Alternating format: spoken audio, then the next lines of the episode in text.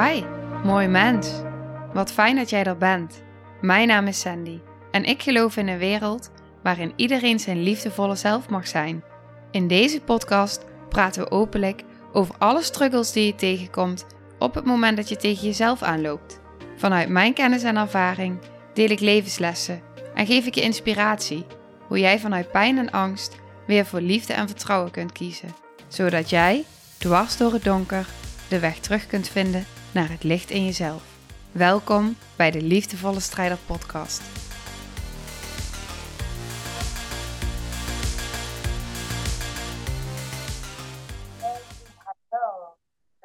Lieve jij, welkom.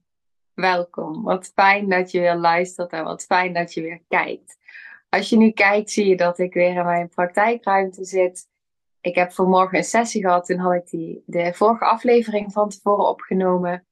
En toen ik klaar was met opnemen, alsof er echt zo'n ja, energie en inspiratie door mij heen kwam. Dat ik voelde, oh maar wow, dit wil ik allemaal nog zeggen. En, maar ik ging me afstemmen.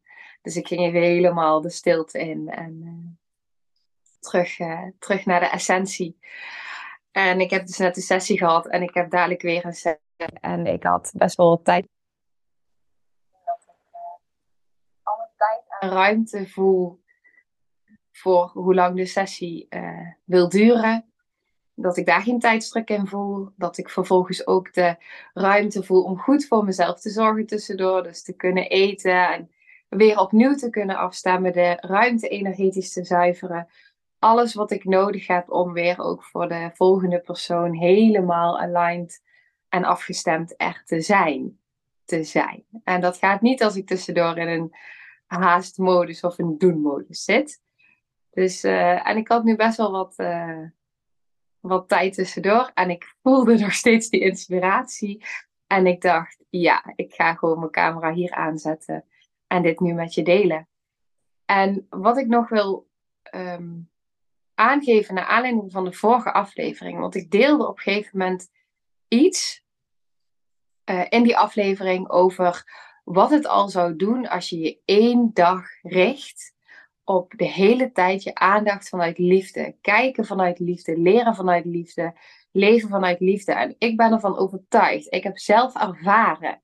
Ik ben er zo van onder de indruk ook wat alleen die oefening die ik daar met je deel, die zo misschien heel simpel lijkt, maar als je die integreert in jouw zijn, in jouw kijken, in jouw leren, in jouw leefwijze, in jouw mindset, in je steeds weer openen op het moment dat je die oefening continu, als je daar mee bezig blijft, dan ga je dat als vanzelf uh, aannemen. En ik geloof echt dat op het moment dat jij in alles vanuit liefde kijkt en je hart gaat openzetten. En ja, dat dat, dat levensveranderend is. Op het moment dat ik in een van mijn donkerste perioden zat en de keuze maakte, ik wil van mezelf gaan houden.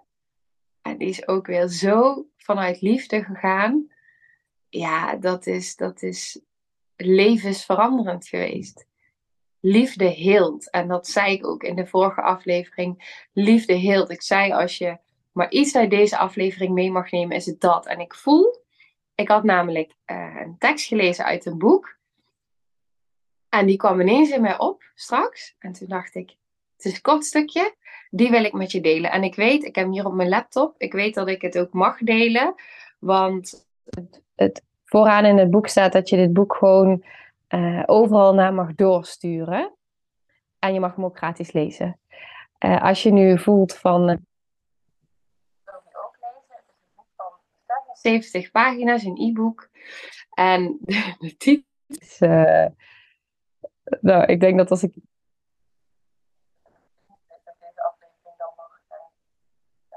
Geplaatst mag worden dat ik gecensureerd word. Dus um, hij is in ieder geval van Henk. Uh, die heeft het boek geschreven. En hij gaat over jezelf bevrijden uh, van de systemen waar we in leven. Oké.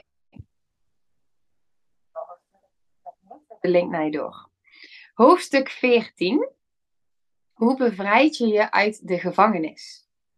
Hieronder wil ik een symbolisch verhaal met je delen. Een verhaal dat misschien wel de situatie van ieder mens op aarde weergeeft. Een verhaal ook dat de aandacht afleidt van rente, geld, belasting betalen. En deze richt op datgene waar het in het leven van een autonome mens werkelijk om gaat. Namelijk liefde. Het gevangenisverhaal. Het zijn twee pagina's. Er was eens een man die een levenslange gevangenisstraf kreeg voor een moord die hij niet had gepleegd. Ik zal je de details besparen, maar het was echt een afschuwelijke zaak. Na zijn veroordeling kwam deze man in de gevangenis terecht en daar werd het nog veel erger. Ik weet niet of je het weet, maar in een gevangenis vormen de gevangenen met elkaar een soort mini-samenleving die veel lijkt op wat er in het echte leven gebeurt. Tussen haakjes echte. Dat wil zeggen, iedereen neemt zijn plekje in en er ontstaat een soort hiërarchie van de zaakjes belangrijke mensen die macht uitoefenen over de. Hier, als ik dit al lees, lees ik vanuit trauma-perspectief. Daar zit echt heel veel trauma. Gevangenis automatisch. Dus boven de, de zaakjes mindere criminelen. Daarna moet je natuurlijk wel je plekje zien te behouden en daarbij geldt het recht van de sterkste. De onterecht veroordeelde man kwam op basis van zijn zogenaamde misdrijf dus hoog in de hiërarchie. Maar hij kon dat natuurlijk op geen enkele manier waarmaken. Daardoor viel hij al gauw naar beneden. Hij werd het pispaaltje. Dagelijks werd hij gehoond en vernederd. Toen ik zijn verhaal hoorde, kreeg ik een brok in mijn keel en de tranen brandden achter mijn oogleden. Deze man had alle reden om zich slachtoffer te voelen en verbitterd te zijn. Was hij dan ook? Oh, sorry. Mijn laptop die wilde een update gaan starten, dus ik kon nog heel snel op annuleren klikken. Totdat er tijdens een van zijn meest wanhopige nachten een lichtende gestalte naast hem verscheen die zei: Richt je op je hart. De, de man reageerde aanvankelijk opstandig. Hij dacht: Wat is dit nou voor een belachelijk advies? Snap je wel waar ik zit? Maar de lichtende aanwezigheid was zo bemoedigend en troostrijk dat iets in hem stil werd. En hij voelde diep in zijn hart. Daar ontdekte hij zijn verlangen om de liefde te leren kennen. Oh, dit ken ik zo. Niet in de gevangenis. Nou ja, jawel. Ik, ja, dat stikt zat in mijn eigen. Zeker.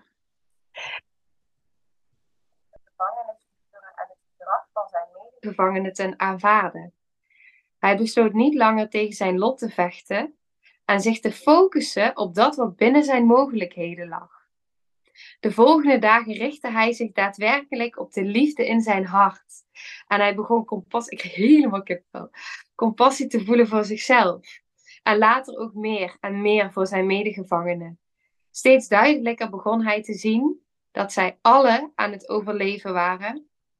En hij voelde geregeld door zijn eigen tranen heen de pijn van de ander. Nou, ik denk niet dat ik hoef uit te leggen dat ik echt voel wat hier staat. In het begin werden de bejegeningen door zijn medegevangenen alleen nog maar erger. Maar na enkele weken lieten ze hem gek genoeg meer met rust. Ik kan me nog goed herinneren hoe de man beschreef dat op een gegeven moment een medegevangene op zijn celuur klopte en schuchter vroeg of hij binnen mocht komen. Vervolgens stortte deze man, een man die hem eerder had vernederd, zijn hart vol pijn bij hem uit. En aan het eind van de ontmoeting omhelsden zij elkaar. Er was echt contact, van mens tot mens en van hart tot hart. Ja, zo. Zo voelbaar. In de baan daarna kwamen steeds vaker gevangenen die in nood zaten naar de man toe om hun levensverhaal te vertellen. Hij luisterde naar hun pijn en schonk troost en begrip. Een jaar later werd hij de directeur van de gevangenis ontboden. Er was een gevaarlijke en onhandelbare crimineel in de gevangenis, die zich heel agressief gedroeg naar zowel medegevangenen als personeel. De directeur vroeg de man om te bemiddelen in de situatie en hij deed dat. En doordat hij ook voor deze medegevangene zijn hart opende, wist hij ook hem te bereiken. Zo werd de onterecht veroordeelde man in enkele jaren een geliefd persoon in de gevangenis. Zijn verhaal drong zelfs door tot buiten de muren in de media. Na twaalf jaar kreeg hij gratie. De rest van het leven zette hij zich in om gevangenen bij te staan en hen helpen het beste in zichzelf omhoog te halen. Tijdens een interview zei deze man: Mijn onterechte veroordeling heeft een goede kant gehad. Deze heeft mij wakker gemaakt voor mijn kracht en liefde. Zonder die uitdaging was dat niet gebeurd. Kies voor liefde. Nou, dit. Dit. Dit is het. Als ik niet toen zo vast was gelopen, niet zoveel pijn had gehad fysiek, dan was ik maar doorgegaan in die red race, in die, in die strijd van binnen. En voor liefde te gaan kiezen, veranderde alles. Het is voor liefde kiezen. Het is vanuit liefde leven. Het is je hart openzetten. En dat is, als je het dan hebt over de vraag die ik in de vorige aflevering beantwoordde. Dat is de krachtigste en de enige manier, nou niet de enige, maar de krachtigste manier om te manifesteren wat je wil. Is die liefde te zijn, vanuit liefde te kijken, vanuit liefde te leren en leven en leren. En dan krijg je dat naar je terug. En als daar nog pijn voor zit en angst voor zit, dan is het dat innerlijke proces. Ik vind het zo mooi. Ik vind het. ja, ik vind het zo, zo. Ik vond het zo'n mooie aanvulling eh, op wat ik in de vorige aflevering deelde, waar ik op het einde bij kwam, dat ik zo sterk voelde van het is altijd liefde. Het antwoord is altijd liefde. En het zit in ons, het zit van binnen. En het is het innerlijke werk. En jij, jij kan daarbij, jij. Het zit in jou. Het is jouw potentie en jouw mogelijkheid. En het zijn iedere dag kansen. In iedere situatie, in iedere trigger. Hoe, hoe diep de pijn ook is, hoe groot de triggers ook zijn. Het is iedere keer een kans om vanuit liefde te kijken. Waar je eerst vanuit angst keek, waar je eerst vanuit onrecht keek, vanuit slachtofferschap, vanuit wat dan ook. Is iedere keer ook naar de pijn die je fysiek voelt. Van benaderen vanuit liefde. Ik, ik werd vanmorgen wakker. Ik heb de afgelopen dagen best wel veel uh, last gehad van mijn lijf. En er komt een behoorlijke zware volle maan aan volgens mij. Uh, maar ik voel dat door mijn hele lijf gaan, hoofdpijn en nek. En er is ook iets in mij wat dan uh, denkt van, oh god, ik heb daar helemaal geen zin in. hoezo krijg ik dat nu weer? En een ander deel in mij die wordt bang van, oh dadelijk krijg ik het terugval en krijg ik weer, ga ik weer helemaal vastlopen. En maar dan is er alles, alle, alle andere delen in mij die dan voelen van, oh maar wacht. Als ik hier nu eens vanuit liefde en compassie naar kijk. Wat wil dit mij vertellen? Wat komt dit mij brengen? Wat vraagt mijn lichaam van mij? Wat heb ik nodig? En dan weet ik weer en dan voel ik weer van, oh ja, oké, het is zo oké. Ik ben gevoelig. Iets in mij is gevoelig. En ik voel gewoon heel veel. Oké, dan ga ik toch nog even iets meer in de vertraging. Ook al vindt iets anders in mij dat een uitdaging. Dan kijk ik ook weer vanuit liefde daarna. En wat ik in de vorige aflevering ook zei, van op het moment dat je een partner wil manifesteren, de liefde wil manifesteren, ehm, ga je die manifesteren vanuit angst en vanuit tekort. Vanuit een, een, een, een angst niet goed genoeg te zijn of uh, angst om in de steek gelaten te worden, om pijn gedaan te worden, verlaten te worden? Of ga je manifesteren vanuit, hé, hey, maar ik zet mijn hart open. En ik ben klaar om mijn hart open te zetten. Ik ben klaar om vanuit liefde te leren, om vanuit liefde te leven. En ook al weet ik dat het, dat het voor heel veel in mij heel spannend is, ik ben klaar om daar met compassie naar te kijken. Ik had uh, in de sessie. Dat was echt zo ontzettend mooi. Omdat vaak zitten mensen naast mij die het gewoon heel spannend vinden. En die herken ik natuurlijk feilloos. Om echt op hele diepe lagen te voelen. En wat ik steeds weer zie, keer op keer op keer op keer, als er compassie en liefde bij komt, als die ruimte vol zit met compassie en met liefde, en die beschermdelen, die hoeven niet weg, maar die zijn welkom en die worden geëerd voor hun harde werk, dan zie je dat er een verbinding van binnen staat op een laag die bijna niet in woorden te beschrijven is, maar als ik het in woorden beschrijf, dan is het liefde en wat je dan ziet, ik ook laatst voor een reactie terugkreeg. Dat is echt, dat is zo mooi om terug te krijgen van, oh, maar ik ben steeds zo bang voor afwijzing. En iedere keer als ik het gevoel heb dat ik daarbij in de buurt kom en dat ik dat ervaar, dan lijkt het bijna alsof ik gewoon getrapt word. Terwijl op het moment, ja, ze, ze noemde echt letterlijke zin, maar ik wil ook de privacy waarborgen. Dus ik wil niet die letter, omdat ik, ja, ik wil daar gewoon heel uh, zuiver en, en uh, veilig in zijn ook. Dus ik wil niet die letterlijke woorden overnemen, maar dit was de context. En dat op het moment dat ze dus bij die emotie daaronder kwam, bij echt dat pure gevoel, uh, wat zo beschermd wordt, dat ze ook zei van, oh, oh, maar dit, is zo oké om te voelen. Want het is zo diep voelen. En dat is het vaak. Het is vaak het, lijden wat we ervaren. Het lijden van de beschermdelen die zo hard hun taak volbrengen om ons te beschermen. de kritische, de perfectionistische, de zelfopofferende, die zo die taak hebben, eh, die houden ons vanuit liefde voor ons. Hè? Want ze zetten ze een krachtig team voor ons, die altijd voor ons klaarstaat. Maar ze houden ons wel vast in die gevangenis.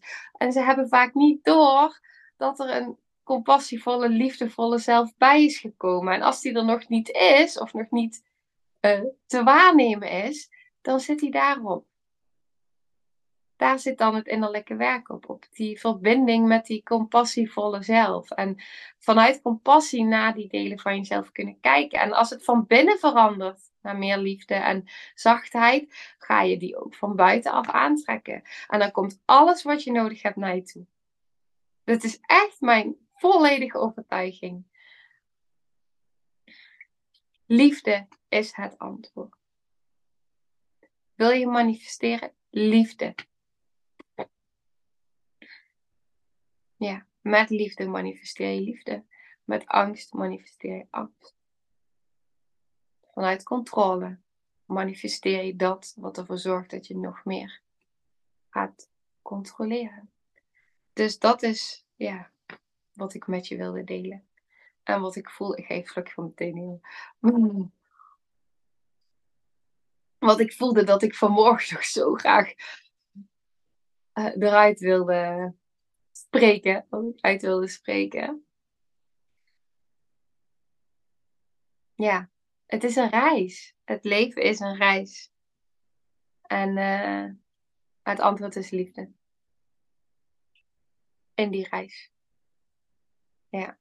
En ik weet ook hoe triggerend die kan zijn voor sommige delen. Ja. Oké. Ik ga even voelen of ik nog iets wil toevoegen aan dit.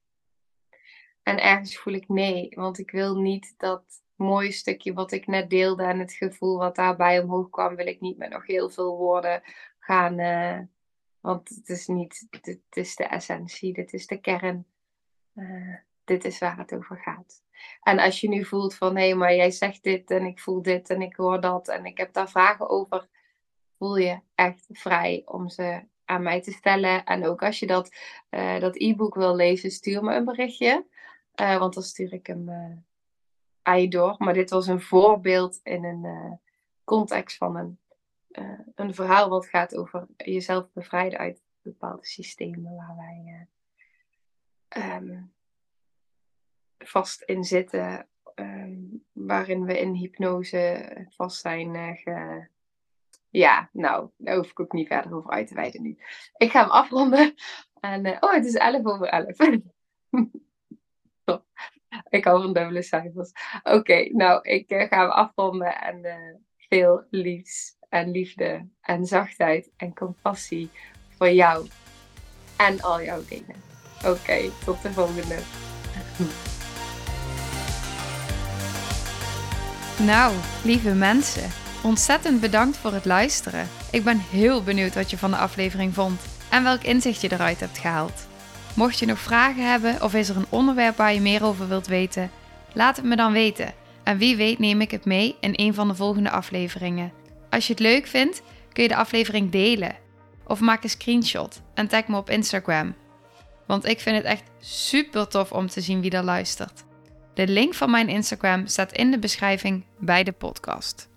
En wil je blijvend geïnspireerd worden? Klik dan op abonneer of volgen in de podcast-app waarmee je luistert. Dat zouden ik en alle toekomstige luisteraars enorm waarderen.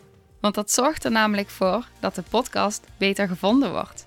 Nogmaals, dankjewel voor het luisteren en heel graag tot de volgende aflevering.